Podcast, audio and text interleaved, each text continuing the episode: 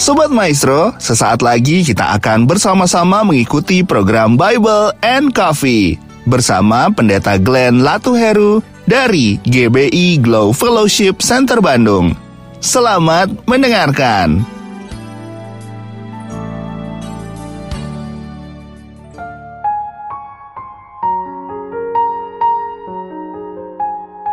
Haleluya, Shalom saudara yang dikasih dalam Tuhan, puji Tuhan. Hari ini kembali lagi saya menyapa setiap umat Tuhan di mana pun Bapak Ibu Saudara berada setiap umat Tuhan yang mengambil bagian hari ini untuk kembali merenungkan firman Tuhan melalui program Bible and Coffee, saya mengajak setiap umat Tuhan untuk tetap terus tertanam dalam firman Tuhan. Kenapa? Karena Alkitab jelas katakan hari-hari ini adalah hari-hari yang jahat. Dunia sedang lenyap dengan segala keinginannya, tetapi orang-orang benar, orang-orang yang melakukan kehendak Allah akan tetap kuat dan bertindak. Itu sebabnya kita tidak mau menjadi sama, tidak menjadi serupa dengan dunia ini. Kita mau dibaharui, terus dipulihkan. Bagaimana kita dibaharui? Tatkala firman Tuhan itu kita dengar, firman Tuhan itu kita alami, firman Tuhan itu kita lakukan, maka kita terus mengalami kemajuan-kemajuan yang dahsyat dan luar biasa atas hidup kita. Mari saudara dikasih dalam Tuhan, kita akan kembali merenungkan firman Tuhan di mana pun kita berada. Kita ambil waktu untuk merenungkan firman Tuhan. Bapak, kami datang kepadamu, kami mengucap syukur buat kasih setia Tuhan, buat anugerah Tuhan dalam kehidupan kami. Hari-hari yang kami jalani betul tidak mudah, tapi kami tahu firman Tuhan menghibur kami. Hari-hari yang kami hadapi betul tidak gampang, tapi kami tahu ada pengharapan tatkala kami mendengarkan firman Tuhan. Tuhanlah yang memampukan kami, Tuhanlah yang menolong kami, Tuhanlah yang menopang kami sehingga firman-Mu memampukan kami untuk menghadapi apa pun, mengingatkan kami akan setiap janji-janji Allah dalam kehidupan kami kami. Bapa, kami rindu mendengarkan sebagian daripada firman-Mu, Roh Kudus urapi kami dengan roh hikmat dan wahyu. Sehingga kami mengerti akan kebenaran dan biarlah kebenaran ini yang memerdekakan hidup kami.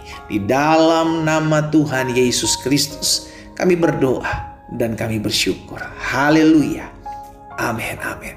Haleluya. Saudara dikasih dalam Tuhan, kita ada di hari terakhir di minggu berjalan ini dan kita bersyukur karena kasihnya yang menopang kita, yang menguatkan kita sehingga apa pun yang hari-hari ini kita gumuli, kita tetap kuat. Kenapa? Karena Roh Kudus yang memampukan kita. Amin.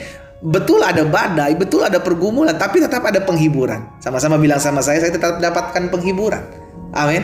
Betul ada bully, betul ada orang-orang yang memfitnah kita, betul ada orang-orang yang merugikan hidup kita. Tapi kita punya Allah yang memutarbalikan keadaan. Itu sebabnya sampai hari ini kita percaya Yesus kita tidak tidur, Yesus kita tetap berkarya dalam kehidupan setiap kita. Katakan amin. Haleluya. Nah, Saudara dikasih dalam Tuhan, ada satu kebenaran firman Tuhan yang saya mau sampaikan hari ini buat setiap kita dan saya percaya ini sangat memberkati kita dan meneguhkan hati kita dalam kita menjalani sepanjang tahun 2022 ini. Dalam kejadian pasalnya yang kedua, ayat yang ke-8 sampai dengan ayatnya yang ke-14.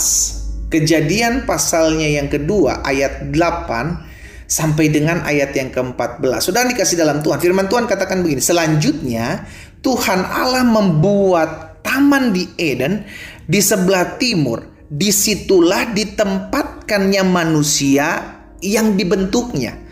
Jadi Tuhan membentuk manusia, Tuhan menciptakan taman Eden dan menempatkannya.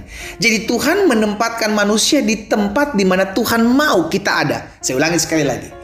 Tuhan menempatkan manusia di tempat di mana Tuhan mau kita berada. Di mana? Di Taman Eden pada saat itu.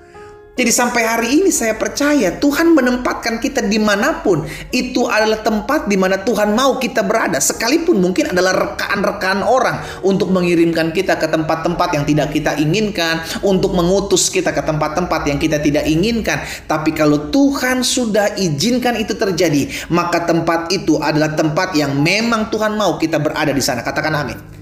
Amin saudara. Sehingga tidak ada sesuatu yang terjadi secara kebetulan. Jadi jangan pernah bilang dalam kehidupan iman Kristen.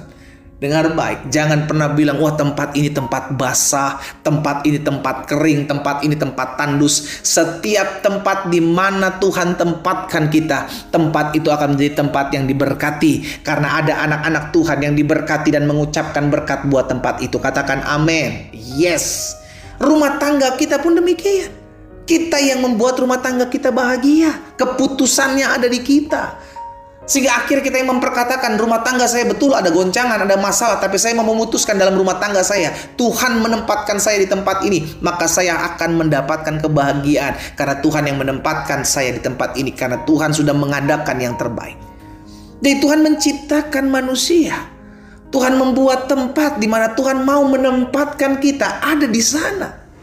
Jadi tidak ada secara yang kebetulan terjadi tiba-tiba engkau difitnah, tiba-tiba engkau dirancangkan yang jahat, tiba-tiba engkau mengalami kerugian oleh karena perbuatan orang kepadamu, tiba-tiba ada hal-hal yang tidak kita inginkan terjadi. Saudara dengar baik, tidak ada satu helai rambut pun jatuh tanpa seizin Tuhan. Dengan kata lain, apa pun yang Tuhan izinkan terjadi, itu mendatangkan kebaikan. Allah turut bekerja Allah ada di dalam bagian-bagian hidup kita, dalam segala sesuatu, untuk mendatangkan kebaikan bagi mereka yang mengasihi. Tugas kita mengasihi Tuhan. Bagian kita taat sama Tuhan. Nah, Tuhan nanti yang akan menempatkan kita mereka-rekakan segala yang menjadi baik ya. Ayat 8. Selanjutnya Tuhan Allah membuat taman Eden di sebelah timur, di situlah ditempatkan manusia yang dibentuknya itu. Ayat 9. Lalu Tuhan Allah menumbuhkan berbagai-bagai pohon dari bumi yang menarik dan yang baik untuk dimakan buahnya dan pohon kehidupan di tengah-tengah taman itu serta pohon pengetahuan tentang baik yang dan baik dan yang jahat. Lihat saudara, Tuhan menempatkan kita di suatu tempat yang memang Tuhan sudah sediakan buat saudara dan saya dan di tempat itu wow wow wow saudara dikasih dalam Tuhan Tuhan pelihara. Lihat, Tuhan menumbuhkan berbagai-bagai pohon dari bumi dan menarik baik untuk dimakan buahnya. Itu maksudnya Tuhan pelihara kehidupan kita di tempat di mana Tuhan utus kita. Ketika Elia disuruh ke Sarfat, Elia waktu zaman-zaman masa masa kelaparan Tuhan suruh Elia, aku sudah menyuruh seorang janda, kirain jandanya kaya, jandanya memiliki kelimpahan. No, Tuhan pakai janda miskin, seorang janda hamba Tuhan, saudara dikasih dalam Tuhan, yang juga sedang memerlukan makanan.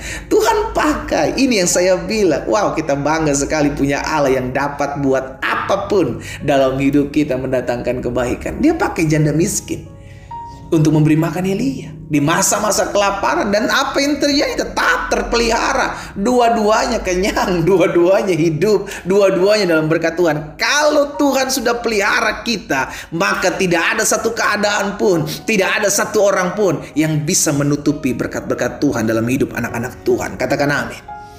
Yes. Jadi kalau Tuhan yang menempatkan kita di satu tempat Tuhan menempatkan kita di suatu keadaan maka percayalah ada Tuhan di sana Tuhan yang menyediakan, Tuhan yang mencukupkan, bahkan Tuhan yang memelihara. Lihat perjalanan bangsa Israel di padang gurun. Tuhan kasih makan walaupun hanya mana. Ketika mereka bersungut-sungut akan pengen makan daging, Tuhan kirimkan burung puyuh atas mereka. Bahkan Alkitab mencatat bahwa kasut mereka tidak rusak, jubah mereka tidak rusak ketika mereka berjalan 40 tahun di padang gurun. Nggak ada yang rusak, saudara. Itu bukti pemeliharaan Tuhan. Itu bukti pertolongan Tuhan. Kalau Tuhan sudah bilang, "Aku memelihara engkau," maka itulah yang terjadi. Tugas kita apa? Tetap taat, jangan komplain. Aduh tempatnya nggak enak. Aduh kok begini banget rumah tangga saya. Aduh kok begini banget pekerjaan usaha saya. Aduh kayaknya susah. Aduh kayaknya nggak bisa. Aduh kayaknya menderita. Aduh kayaknya hancur. Stop memperkatakan apa yang tidak ingin kau alami. Belajar memperkatakan ucapan syukur Tuhan terima kasih buat setiap peristiwa ini. Tapi aku percaya Tuhan menempatkan aku di rumah tangga ini. Tuhan menempatkan aku di pekerjaan ini. Tuhan tempatkan aku di ada di tempat ini. Pasti ada tujuan dan aku tahu di tempat di mana Tuhan mengutus aku, Tuhan pelihara, Tuhan jamin, Tuhan tolong, Tuhan bela dan Tuhan yang memberkati. Katakan amin. Mari kita berdoa. Kita datang kepada Tuhan. Bapa dalam nama Yesus kami berterima kasih buat kasih setia Tuhan yang menopang kami, buat anugerah Tuhan yang tidak pernah berkesudahan atas hidup kami. Hari ini kami mengerti bahwa Allah turut bekerja dalam segala sesuatu untuk mendatangkan kebaikan bagi kami. Jika Tuhan menempatkan kami dalam satu keadaan, dalam satu peristiwa, izinkan kami untuk selalu mengerti bahwa Tuhan akan mempersiapkan segala sesuatunya untuk mendatangkan kebaikan di mana pun Tuhan tempatkan kami berada selama ada Tuhan Yesus maka tempat itu menjadi tempat yang diberkati. Selama ada anak-anak Tuhan, maka tempat itu menjadi tempat yang dalam berkat pemeliharaan Tuhan yang ajaib. Terima kasih Bapa. Kami berdoa, beri kami hati yang selalu percaya kepada Tuhan. Di mana pun Tuhan tempatkan kami berada, selalu berkat Tuhan mengikuti kami. Di dalam nama Yesus kami berdoa dan kami bersyukur. Haleluya. Amin. Amin.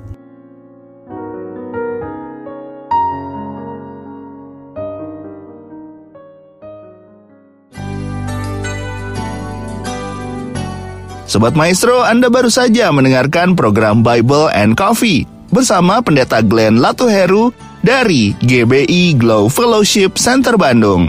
Terima kasih atas perhatian Anda. Tuhan Yesus memberkati.